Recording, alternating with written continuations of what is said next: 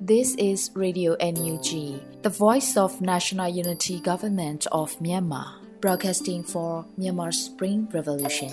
Radio NUG is transmitting from shortwave 16 meter 17.79 MHz at 8:30 a.m. and 25 meter 11.94 MHz at 8:30 p.m. Myanmar Standard Time. မင်္ဂလာပါရှင်။ မြို့သားညီညွတ်ရေးအစိုးရရဲ့အတန်လွှင့်ဌာန Radio NUG ကိုမနက်ပိုင်း၈နာရီခွဲမှာလိုင်းတူ16မီတာ19.89 MHz ညပိုင်း၈နာရီခွဲမှာလိုင်းတူ25မီတာ17.6 MHz တို့မှာဓာတ်ရိုက်ဖမ်းယူနိုင်စေနိုင်ပါရှင်။မင်္ဂလာအပေါင်းနဲ့ပြည့်စုံကြပါစေ။အခုချိန်ကစပြီး Radio NUG အစီအစဉ်လေးကိုဓာတ်ရိုက်အတန်လွှင့်ပေးနေပါပြီရှင်။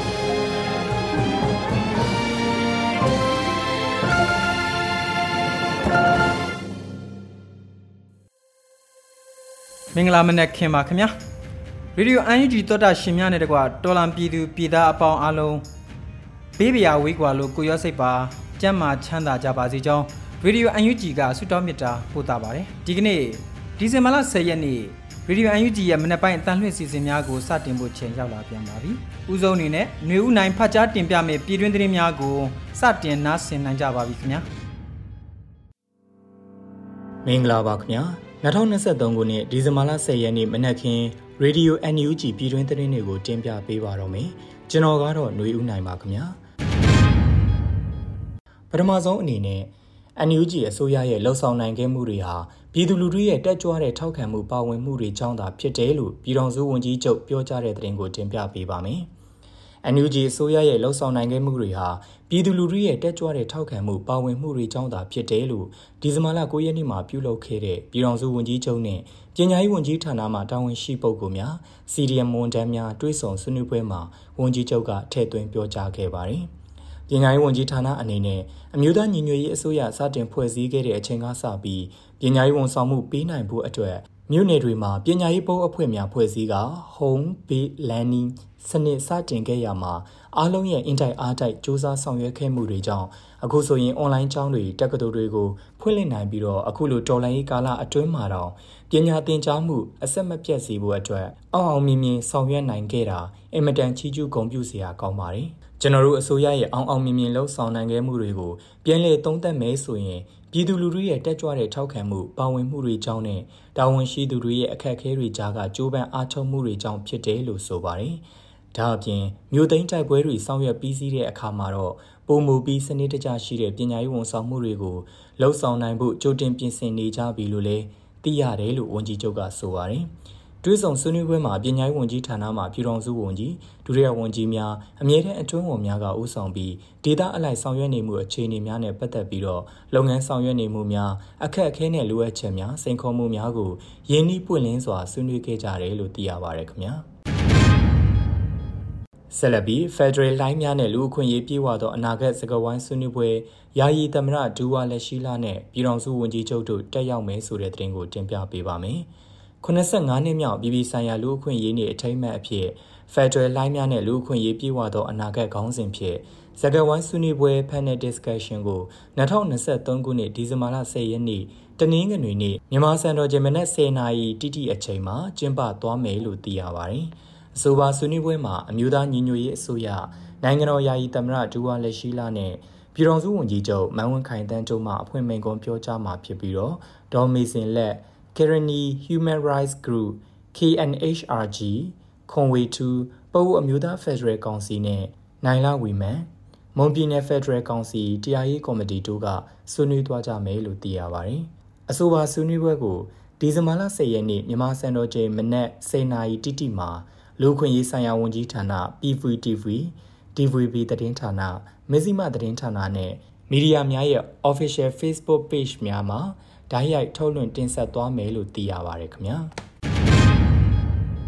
အမျိုးသားဒီမိုကရေစီအဖွဲ့ချုပ်ဗဟိုအလုပ်ကော်မတီနဲ့တိုင်းနယ်ပြည်နယ်အလုံးမှုဆောင်များအစည်းအဝေးနိုင်ငံခြားရေးဝန်ကြီးတက်ရောက်ကဂျပန်နိုင်ငံခရီးစဉ်အကြောင်းကိုရှင်းလင်းဆွေးနွေးခဲ့တဲ့သတင်းကိုတင်ပြပေးပါမယ်။အမျိုးသားဒီမိုကရေစီအဖွဲ့ချုပ်ဗဟိုအလုပ်ကော်မတီ CWC နဲ့တိုင်းနယ်ပြည်နယ်အလုံးမှုဆောင်များလုပ်ငန်းညီနိုင်အစည်းအဝေး48မြင်းဆောင်2023ကိုဒီဇင်ဘာလ9ရက်နေ့ကကျင်းပခဲ့ပါတယ်။။ ဇိုဘာလုပ်ငန်းညှိနှိုင်းပုံမှန်အစည်းအဝေးသို့တဘာပတိမန်းကျော်နေနဲ့အတူဗဟိုအလုပ်ကော်မတီဝင်များဗဟိုကော်မတီဝင်များတိုင်းနဲ့ပြည်နယ်14ခုမှအလုံးမှုဆောင်များစုံညီစွာတက်ရောက်ခဲ့ကြပါတယ်။အစည်းအဝေးမှာအမျိုးသားညီညွတ်ရေးအစိုးရနိုင်ငံခြားရေးဝန်ကြီးဒေါ်စင်မာအောင်ကဂျပန်နိုင်ငံခီးစဉ်နဲ့ဆက်လင်းပြီးတော့အစည်းအဝေးသို့တက်ရောက်ရှင်းလင်းဆွေးနွေးခဲ့တယ်လို့သိရပါတယ်ခင်ဗျာ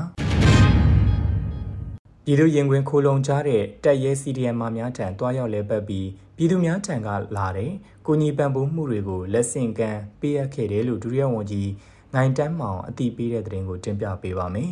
ပြည်သူရင်ခွင်ခိုလုံကြတဲ့တက်ရဲ CDM မှများထံတွားရောက်လဲပတ်ပြီးပြည်သူများထံကလာတဲ့ကိုညီပံပိုးမှုတွေကိုလက်ဆင့်ကမ်းပေးအပ်ခဲ့တယ်လို့ဒုတိယဝန်ကြီးနိုင်တန်းမောင်အသိပေးဆိုခဲ့ပါတယ်။ဒီဇင်ဘာလ9ရက်နေ့မှာလူသားချင်းစာနာထောက်ထားရေးနဲ့ BND ဆိုင်ရာစီမံခန့်ခွဲဝန်ကြီးဌာနမှဒုတိယဝန်ကြီး နိုင်တန်းမောင်ကဆိုရှယ်မီဒီယာမှာဆိုခဲ့ပါတယ်။ပြည်သူရင်ခွင်ခိုးလုံကြတဲ့တက်ရဲ CDM မှများထံတွားရောက်လဲပတ်ပြီးပြည်သူများထံကလာတဲ့ကုညီပံ့ပိုးမှုတွေကိုလက်ဆင့်ကမ်းပေးအပ်ခဲ့ပါတယ်။အာဘီစကားပြောကြားရင်တော်လန်ရေးအောင်ပွဲတွေအကြောင်းလဲမျှဝေဖြစ်ခဲ့ပါတယ်။ပြည်သူရင်ဝင်ခိုလုံကြမဲ့တက်ရဲစီဒီအမ်မာများကိုပြည်သူများကအစဉ်အမြဲကြိုးဆိုနေပါတယ်လို့ဆိုပါတယ်။ဒါ့အပြင်စစ်ဘေးရှောင်ရင် နာမကျန်းဖြစ်တဲ့အဖွားတဦးစီလဲတွားရောက်လဲပတ်အားပေးစကားပြောခဲ့တယ်လို့ဒုတိယဝန်ကြီးကထပ်လောင်းဆိုခဲ့ပါတယ်ခင်ဗျာ။ဆက်လက်ပြီးကိုရီးယားနိုင်ငံဆိုးမြို့အီချွန်းယဉ်ကျေးမှုဖောင်ဒေးရှင်းကချီးမြှင့်တဲ့အီချွန်းလူထုအကျိုးဆောင်စုကိုကိုရီးယား NUG ကိုယ်စားလှယ်ရုံးကလက်ခံရယူတဲ့တဲ့တင်ကိုတင်ပြပေးပါမယ်။ဒီဇင်ဘာလ9ရက်နေ့က ကိုရီးယား NUG ကိုယ်စားလှယ်ရုံးကအခုလိုအသိပေးဆိုခဲ့ပါတယ်။အမျိုးသားညီညွတ်ရေးအစိုးရကိုရီးယားသမ္မတနိုင်ငံဆိုင်ရာမြန်မာကိုယ်စားလှယ်ရုံးဟာကိုရီးယားနိုင်ငံဆိုးမြို့အေချုံရင်ကျင်းမှုဖောင်ဒေးရှင်းကချီးမြှင့်တဲ့လူထုအကျိုးဆောင်စုကိုဒီဇင်ဘာလ9ရက်နေ့ကလက်ခံရယူခဲ့ပါတယ်။ဆိုးမြို့အေချုံရင်ကျင်းမှုဖောင်ဒေးရှင်းဟာပျော်ရွှင်စရာလူမှုအတိုင်းဝန်အားတိဆောက်ရန်လူထုနဲ့အတူတသားတည်းတက်ကြွစွာဆောင်ရွက်နေကြတဲ့လူထုအကျိုးဆောင်အဖွဲ့အစည်းများကိုရွေးချယ်၍နှစ်စဉ်ဆုချီးမြှင့်ခြင်းဖြစ်ပါတယ်။ ဆိုးမြို့ရှိဤချုံရင်ကျင်းမှုဖောင်ဒေးရှင်းခန်းမမှာကျင်းပတဲ့စူပေးပွဲသို့ကိုရီးယားနိုင်ငံဆိုင်ရာမြန်မာကိုယ်စားလှယ်ဦးရန်နိုင်ထွန်းတက်ရောက်ဆုလက်ခံခဲ့ပြီးတော့မြန်မာတော်လှန်ရေးအခြေအနေကိုရှင်းလင်းပြောကြားခဲ့ပါတယ်။ယခု2023ခုနှစ်အတွက်ဒုတိယအကြိမ်မြောက်လူထုအကျိုးဆောင်ဆုရှင်များအားရွေးချယ်ရမှာရခိုင်နှစ်ကလိုပဲကိုရီးယားလူမှုအဖွဲ့အစည်းများကိုသာရွေးချယ်ခြင်းမဟုတ်ပဲ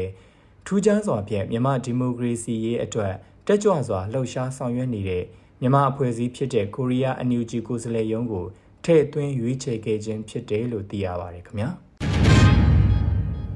နမ်ခမ်းကုတ်ခိုင်မန်တုံမြို့ရှိစက္ကစတက်စခန်းများကိုတအောင်းတက်မတော် PSLF TNLA မှတိုက်ခိုက်ခဲ့တဲ့တဲ့ရင်ကိုတင်ပြပေးပါမယ်။တအောင်းပြည်နယ်မှာ PSLF TNLA မှဖော်ဆောင်တဲ့10-20ခွန်စစ်စင်ရေးကိုဒီဇင်ဘာလ9ရက်နေ့မှာအတည်ပြုဆိုခဲ့ပါတယ်။တပ်မဟာ1စစ်ဒေသနမ်ခမ်းမြို့နယ် စစ်ကောင်စီစခန်းတစ်ကုန်းကိုဒီဇင်ဘာလ9ရက်နေ့မနက်9:25မိနစ်အချိန်က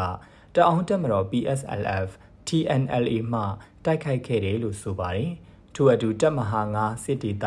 ကုတ်ခိုင်မြို့နယ်စစ်ကောင်စီကုတ်ခိုင်တပ်စခန်းကိုညနေ4:50မိနစ်50အချိန်ခန့်ကတအောင်တက်မတော် PSLF TNLA မှတိုက်ခိုက်ခဲ့ပါတယ်။မန်တုံမြို့စစ်ကောင်စီခလာရ130တပ်စခန်းကိုမနက်9:55မိနစ်55မိနစ်အချိန်ခန့်က တအောင်းတက်မတော် PSLF TNLA မှတိုက်ခိုက်ခဲ့သေးတယ်လို့ဆိုခဲ့ပါတယ်။စစ်ကောင်စီရဲ့နမ်ဘက်ကတပ်စခန်းမှတိုက်ပွဲဖြစ်ပွားရာနမ်ခမ်းစခန်းတစ်ကုန်းဘက်သို့စစ်ကောင်စီတပ်မှလက်နက်ကြီးဖြင့်12ကြိမ်ပစ်ကူတိုက်ခိုက်ပေးခဲ့ပြီးတော့ကြောင်မဲမျိုးနယ်စစ်ကောင်စီမိုင်းငေါနဲ့ကြောင်မဲတပ်စခန်းမှဟူဆွန်ကျေးရွာဘက်သို့လက်နက်ကြီးဖြင့်17ကြိမ်ပစ်ခတ်တိုက်ခိုက်ခဲ့ပါတယ်။တပ်မဟာတစ်စစ်ဒေသနမ်ခမ်းမျိုးနယ်စခန်းတစ်ကုန်းဘက်မှစစ်ကောင်စီတပ်မှ MI35 Y12 Jet Fighter ဖြင့်17ကြိမ်လာရောက်ပစ်ကူပြီးတိုက်ခိုက်ခဲ့တယ်လို့သိရပါတယ်ခင်ဗျာ။မူးမျိုးပေါ်တိုက်ပွဲအတွင်းအာနာသိန်းအကြမ်းဖက်စစ်ကောင်စီတပ်သား120ဦးသေဆုံးပြီးတော့90ဦးဒဏ်ရာရကြောင်း KNU ဘဟုအတည်ပြုတဲ့သတင်းကိုတင်ပြပေးပါမယ်။ဒီဇင်ဘာလ9ရက်နေ့မှာစီရေးသတင်းကို KNU ဘဟုကအတည်ပြုထားပါတယ်။ KNU ကရင်မျိုးသားစီယုံကော်တူးလေအုပ်ချုပ်နေမြေခလဲလွီထူခရိုင် တက်မဟာ3မူးမြို့နယ်အတွင်း2023ခုနှစ်ဒီဇင်ဘာလ2ရက်နေ့ည7:40မိနစ်40အချိန်ခန့်ကကရင်မျိုးသားလွတ်မြောက်ရေးတပ်မတော် KNLA လက်အောက်ခံတပ်ရင်းတပ်ဖွဲ့များနဲ့တော်လှန်ရေးပူးပေါင်းတပ်များမှမုံမြို့ပေါ်ရှိအာနာသိန်းအကြမ်းဖက်စစ်ကောင်စီတပ်ရဲ့တပ်စခန်းများကိုစတင်တိုက်ခိုက်ချီမှုန်းခဲ့တယ်လို့ဆိုပါတယ်။စစ်စင်ရေးစတင်တဲ့2023ခုနှစ်ဒီဇင်ဘာလ2ရက်နေ့မှဒီဇင်ဘာလ9ရက်နေ့အတွင်းအာနာသိန်းအကြမ်းဖက်စစ်ကောင်စီတပ်များတပ်ဆွဲထားရာခမရ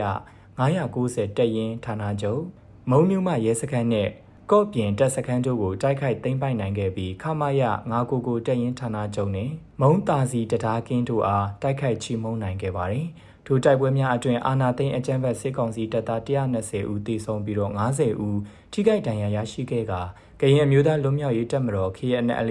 လက်အောက်ခံတပ်ရင်းတပ်ဖွဲ့များနဲ့တော်လှန်ရေးပူးပေါင်းတပ်များဘက်မှလည်းတိုင်းပြည်နယ်လူမျိုးအတွက်အသက်ပေးလူခဲ့ရသူများနဲ့ ထိခိုက်ဒဏ်ရာရရှိသူများလည်းရှိခဲ့တယ်လို့အတည်ပြုခဲ့ပါတယ်။တိုက်ပွဲဖြစ်ပွားစဉ်ကာလအတွင်းအကြမ်းဖက်စစ်ကောင်စီလေတပ်မှမြို့ပေါ်နှင့်အနီးအနားရှိကျေးရွာများအား၃ရက်၃ညဇက်တိုက်လေးချောင်းမှတိုက်ခိုက်မှုများကိုအကြိမ်ရေမြောက်များစွာပြုလုပ်ခဲ့တဲ့အတွက်ပြည်သူလူထုထိခိုက်ဒေဆုံးမှုများလည်းရှိခဲ့ပေမဲ့လည်းယခုအချိန်မှာအာဏာသိမ်းအကြမ်းဖက်စစ်ကောင်စီတပ်များဟာမြို့ပေါ်နဲ့အချို့ကျေးရွာတို့မှာပြန်လည်နေရာယူထားတာကြောင့်ထိခိုက်ဒေဆုံးခဲ့ရတဲ့ပြည်သူလူထုရဲ့အရေးအတွက် နေအိမ်ပျက်စီးမှုအရေးအတွက်တို့အားအတည်ပြုနိုင်ရန်အတွက်ကြံ့ကြာလျက်ရှိတယ်လို့ဆိုခဲ့ပါရခင်ဗျာဆက်လက်ပြီး Federal ပြည်ထောင်စုပေါ်ပေါက်လာစေရေးစုပေါင်းဆန္ဒထုတ်ဖော်ပွဲကို Australia နိုင်ငံ Brisbane မြို့မှာမြန်မာအင်အားစုများကျင်းပခဲ့တဲ့တဲ့တင်ကိုတင်ပြပေးပါမယ်။ Federal ပြည်ထောင်စုပေါ်ပေါက်လာစေရေးစုပေါင်းဆန္ဒထုတ်ဖော်ပွဲကို Australia နိုင်ငံ Brisbane မြို့မှာ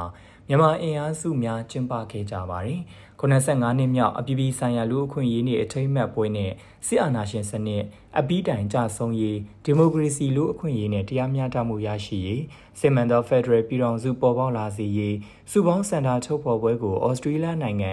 Brisbane မြို့မှာပြုလုပ်ခဲ့တယ်လို့ဆိုပါတယ်အဆိုပါစံတာထုတ်ဖော်ပွဲကို CRPH NUG Support Group QLD နဲ့ Queensland Myanmar Youth Collective QMYC မှပူးပေါင်းစီစဉ်ပြီးလူခွင့်ရေးနေအထိမ်းအမှတ်အမှတ်တရစကားများပြောကြားခဲ့ကြပါတယ်။အဲဒီနောက် KSS ဒီမိုကရေစီတော်လှန်ရေးအတွက်ပိတ်ဆက်ခဲ့ကြတဲ့သူရဲကောင်းများအားဂုံပြုစုတောင်းပေးခြင်းများအပြင်အမျိုးသားညီညွတ်ရေးအစိုးရလူခွင့်ရေးဆိုင်ရာဝန်ကြီးဌာန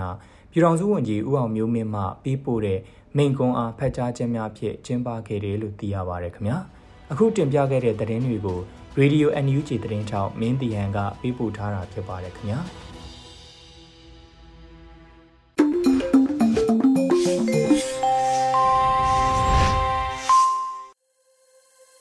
တောတာရှင်များခင်ဗျာအခုတခါမှာတော့လူခွင့်ရေးဆိုင်ရာတုဝန်ကြီးခွန်ပဟန်ထံကပြောကြားခဲ့တဲ့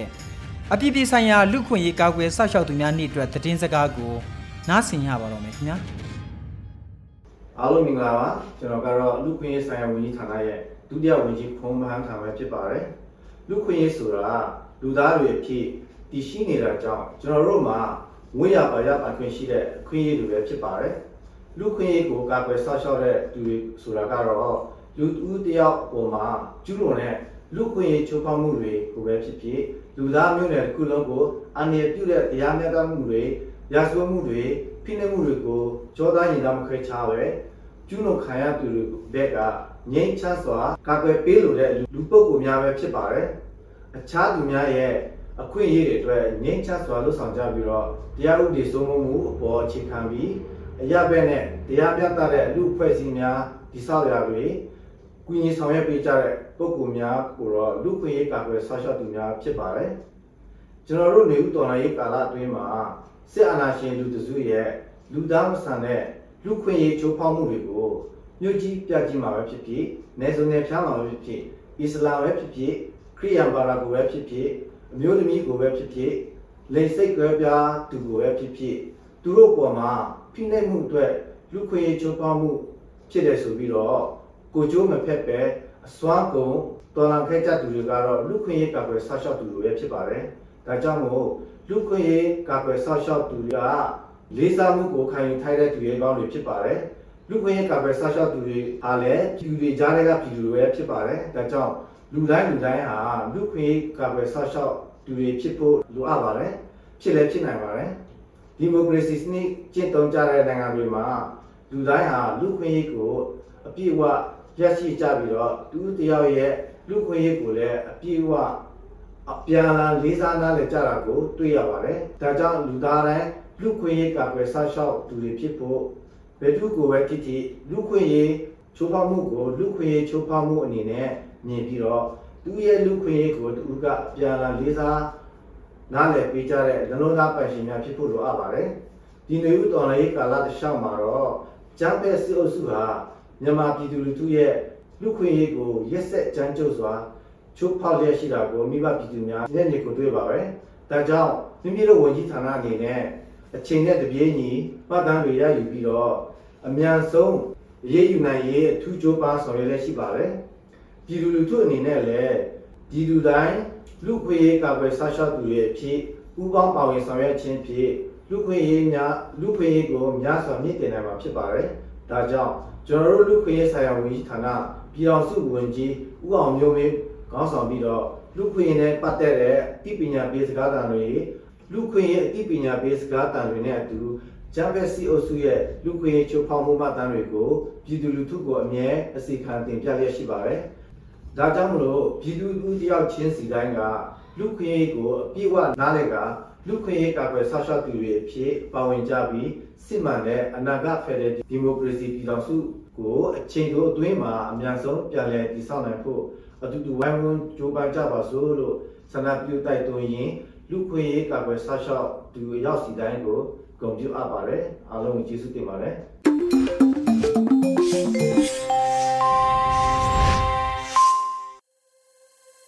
ရေဒီယိုအန်ယူဂျီရဲ့မနေ့ပိုင်းအတန်လွှင့်စီစဉ်တွေကိုနားဆင်နေရတာဖြစ်ပါတယ်ခင်ဗျာ သောတာရှင်များအနေနဲ့အခုတစ်ခါနားဆင်ရမှာကတော့ PVTV ရဲ့နေ့စဉ်သတင်းများဖြစ်ပါတယ် Rain ကတင်ပြထားပါတယ်ခင်ဗျာအခုချိန်ကစပြီး PVTV သတင်းတွေကိုတင်ဆက်ပေးတော့မှာပါကျမရိမ့်ပါပထမဆုံးတင်ဆက်ပေးမှာကအပြည့်ပြည့်ဆိုင်ရာအမျိုးသမီးများအပေါ်အကြမ်းဖက်မှုပပျောက်ရေးအတွက် ICNCC နဲ့အမျိုးသမီးလူငယ်နဲ့ကလေးသူငယ်ရေးဝန်ကြီးဌာနတို့ပူးတွဲကျင်းပခဲ့တဲ့သတင်းဖြစ်ပါတယ်။ အပြည်ပြည်ဆိုင်ရာအမျိုးသမီးများအပေါ်အကြမ်းဖက်မှုပပျောက်ရေးအတွက်အမျိုးသမီးနဲ့မိန်းကလေးများကိုကာကွယ်ဖို့အတူတကွပါဝင်ပံ့ပိုးဆိုကောင်းစဉ်ဖြင့်ကြားကလာချင်းမျိုးသားအတိုင်းအမြံကောင်စီ ICNCC နဲ့အမျိုးသားညွရေးအစိုးရအမျိုးသမီးလူငယ်နဲ့ကလေးသူငယ်ရေးဝန်ကြီးဌာနတို့ကဒီဇင်ဘာ9ရက်မှာပူးတွဲကျင်းပခဲ့ကြပါတယ်။ ချင်းပြည်နယ်ရှိစစ်ပေးရှောင်ပြည်သူအခြေပြုစာသင်ကျောင်းဆရာဆရာမများကျောင်းသားကျောင်းသူများနဲ့ကျေးရွာပြည်သူလူထုအားအမျိုးသမီးနဲ့မိန်းကလေးများကိုကာကွယ်ဖို့အတူတကွပါဝင်ပံ့ပိုးဆိုကောင်းစဉ်ဖြင့်စန္ဒာအခြေပြုအကြမ်းဖက်မှုဖြစ်ပေါ်စေသောအတိကအကြောင်းရင်းများအမျိုးသမီးနဲ့ပတ်သက်သောအခွင့်အရေးများကိုအမျိုးသားညွရေးအစိုးရအမျိုးသမီးလူငယ်နဲ့ကလေးသူငယ်ရေးရာဒုဝန်ကြီးတော်ဤတင်စာမောင်ကရှင်းလင်းပြောကြားခဲ့ပါတယ်။ အခမ်းအနားကိုချင်းပြည်နယ်ရှိ ICNCC မှတာဝန်ရှိသူများပညာရေးဝန်ထမ်းများရက်ကျေးတာဝန်ခံများအမျိုးသမီးလူငယ်နဲ့ကလေးသူငယ်ရေးရာဝန်ကြီးဌာနတို့မှပြုလုပ်ကျင်းပခဲ့ကြတယ်လို့အမျိုးသမီးလူငယ်နဲ့ကလေးသူငယ်ရေးရာဝန်ကြီးဌာန MOWYCA ကထုတ်ပြန်ထားပါတယ်။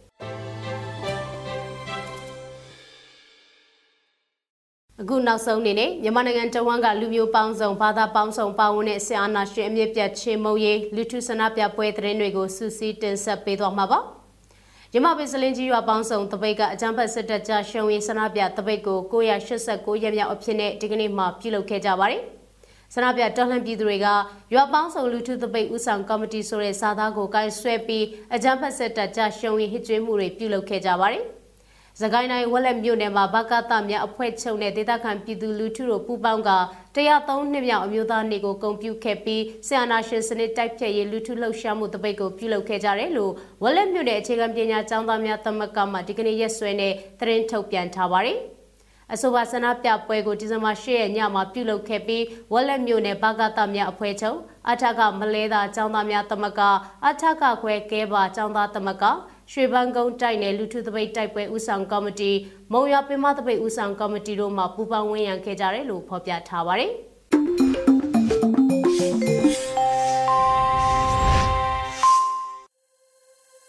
ရေဒီယိုအန်ယူဂျီရဲ့ဒီဇင်ဘာလ10ရက်နေ့မနေ့ပိုင်းတန်လွင့်စီစဉ်လေးဖြစ်ပါတယ်။အခုတခါဆက်လက်နားဆင်ရမယ့်အစီအစဉ်ကတော့တော်လိုင်းတီဂီတာအစီအစဉ်ပဲဖြစ်ပါတယ်။တေးရီຫນွေဦးချစ်သူနဲ့ KD Fan တေးဆိုတူတူနဲ့အဖွဲ့တီးဆိုထားကြတဲ့ Justice ဆိုတဲ့တော်လိုင်းတီးသချင်းတစ်ပုဒ်ကိုနားဆင်ရပါတော့မယ်ခင်ဗျာ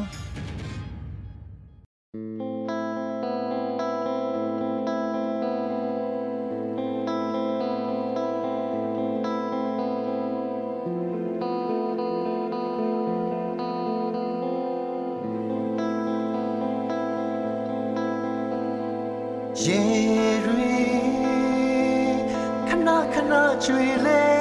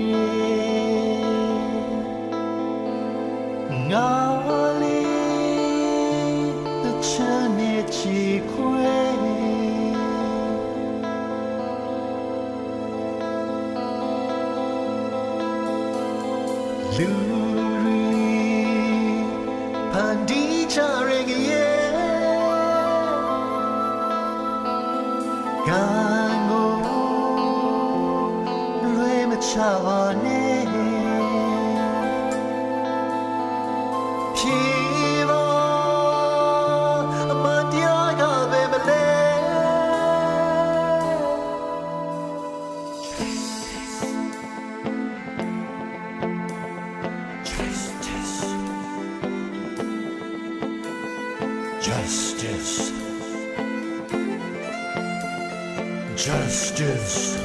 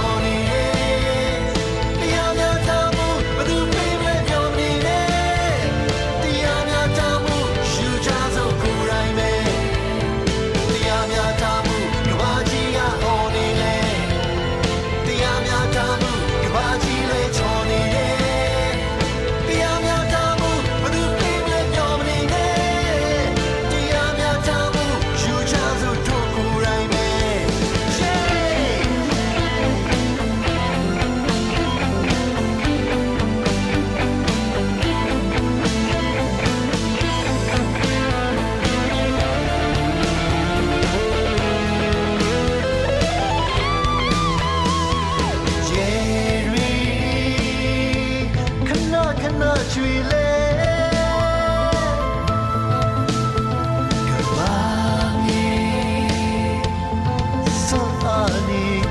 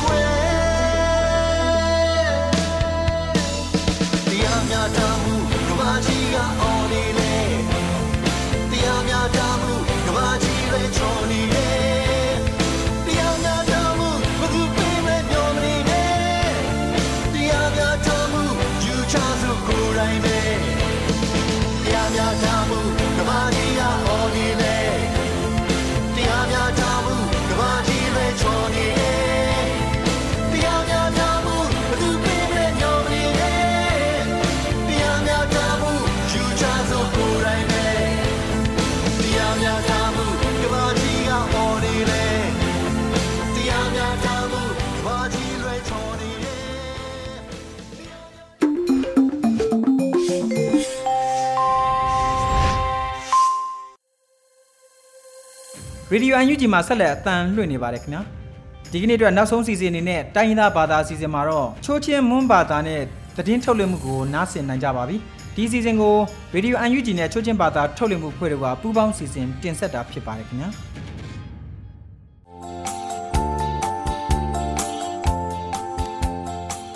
ဖိ nak tu nam rai no atu ngoi khukum phram kulam kulik thum december thikya shangum ngthuri mingai bakhani တုံဝဲမင်းကဘန်ထူရူလေကျူမင်တမောင်ရောကုံမောင်ရောဦးနာဘုံတငါမင်တမောင်ရောကုံဤအောနာဝီကောင်ဘယာခုချောင်းရီနောကုံပန်းနေမိဘီဒူဘိုင်ထခါချီမောင်ရောဦးနာတန်ကနောအပရနကမောခုကုံဖရမ်ကုလမ်ကုလိကထုမ်မင်တမောင်ရောအကုံတုံကနာထုံကိဘေခဒကနေအင်္ဂရိစီနောခါယဝကနာခရုကိဘလက်ထရီကကီဂျာအမေပရနကမောဖိမင်္ဂဘာပကိနီချီတယာထုံနာလီကျူ CTF မင်တလာ MTC Moraland Defense Force atunga kungpang ne angkrusui tukwajia prenokrini thilimangro akung tungka naku arkan army ee tungkanop abilo nawi opkijia se kora kambum phangnak thumno ampen nakamawi atungwa singkano ninga khani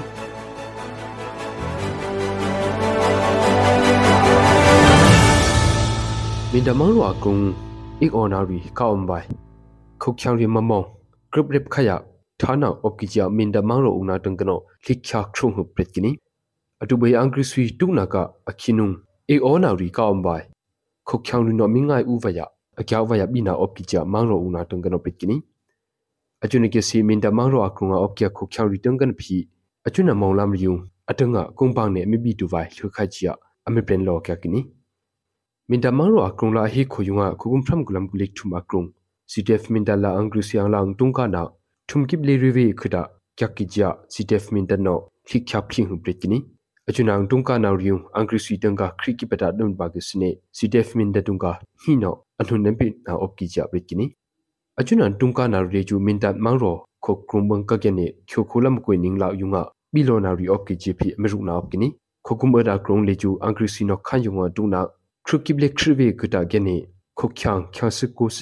tang ka khri ki pata dum ba ge sne ctf min da tung ka hi no anhun nem pi na op ki ja brit kini achuna tung ka na re ju min da mang ro kho krum bang ka ge ne khyo kholam ko ning la yunga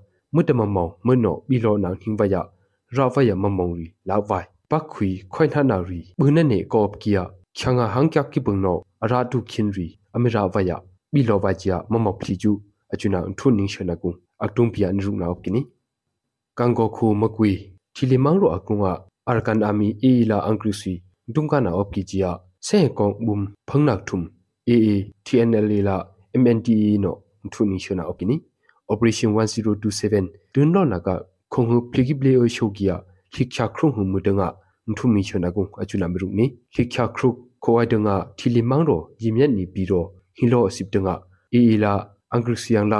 himchit thumata shotubasi aninga na opkijia prinne aming dungka na kamau avan leju ami prenna kom phakini operation 1027 amitun lonaka akhinong kano tunne shankho sipdang kachin kokat စကိုင်းမကွေလာအတူပိန်ဘလိုက်ခအန်တော်တန်ကနော်တူနေရခိုင်ခူလာချိုခိုဂျီဗိုင်ယူအန်ဂရီစီလာဆဲကွတာရာကံဘုံပြောင်လာကုအထုံစီဒုံကနာအော့ကီမောင်ငမ်ထင်တူနေအတုံဝိုင်ထုမင်ငါလီကျူအရှင်ဘန်ရခနီမြမခုကုံလာချိုခုံနေမပြချိုဇက်ချွန်ဘန်အယိုတီစီနာအငိုင်းနာရီအယိုမိုင်နေနေဘုံခွန်းနမကျင်းနောစကြရှင်ကနောပင်လူနီလူပါဖိနာဘန်ရိုင်းနံဘာ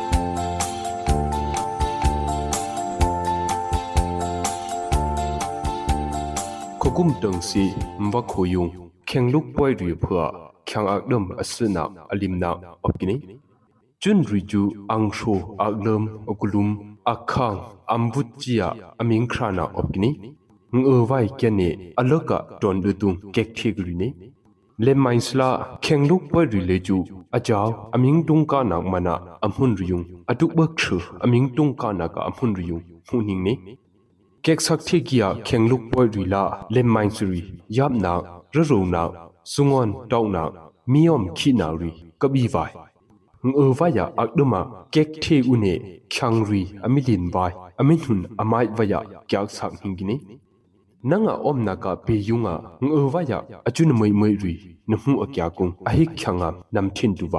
khi na ri kabi vai ngơ vaya akduma kek the une khyangri amilin vai amin hun amai vaya kyak sak hingini nanga omna ka pe yunga ngwa ya achun moi moi ri nhu akya kung ahi khyanga nam thin tu vai chuna ga gene nanga phoping o vai ka kya hang le ju bai nak tumat bine achuna mong lam ri mzi kya ang buma nam thin vai